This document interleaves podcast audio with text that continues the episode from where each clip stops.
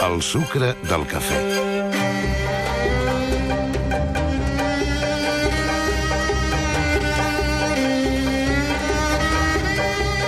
No fa tant de temps que el període nadalenc començava exactament el 13 de desembre, dia de Santa Llúcia, la patrona de les modistes.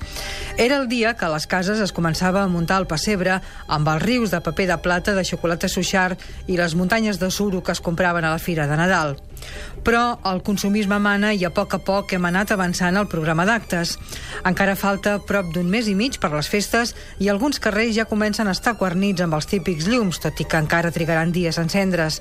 Els aparadors de les pastisseries ja llueixen llaminers als torrons i les neules i segurament d'aquí no res ja veurem pares noels a tots els centres comercials.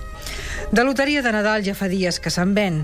El fenomen d'aquests últims anys és que els nens de Sant Ildefons ja no tenen l'exclusiva en això de cantar la grossa, perquè ara de grosses n'hi ha dues.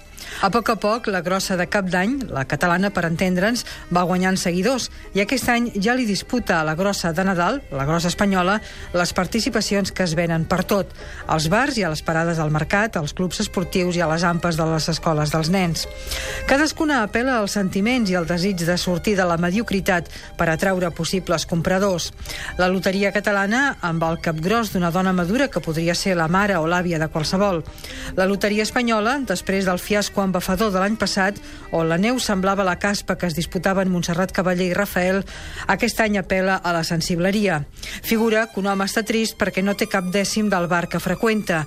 Quan baixa a felicitar l'amo, aquest li descobreix que li ha guardat un bitllet. I au, tots feliços i a menjar anissos. El Nadal ja ho té això, però de vegades s'agrairia una mica menys de llàgrima fàcil.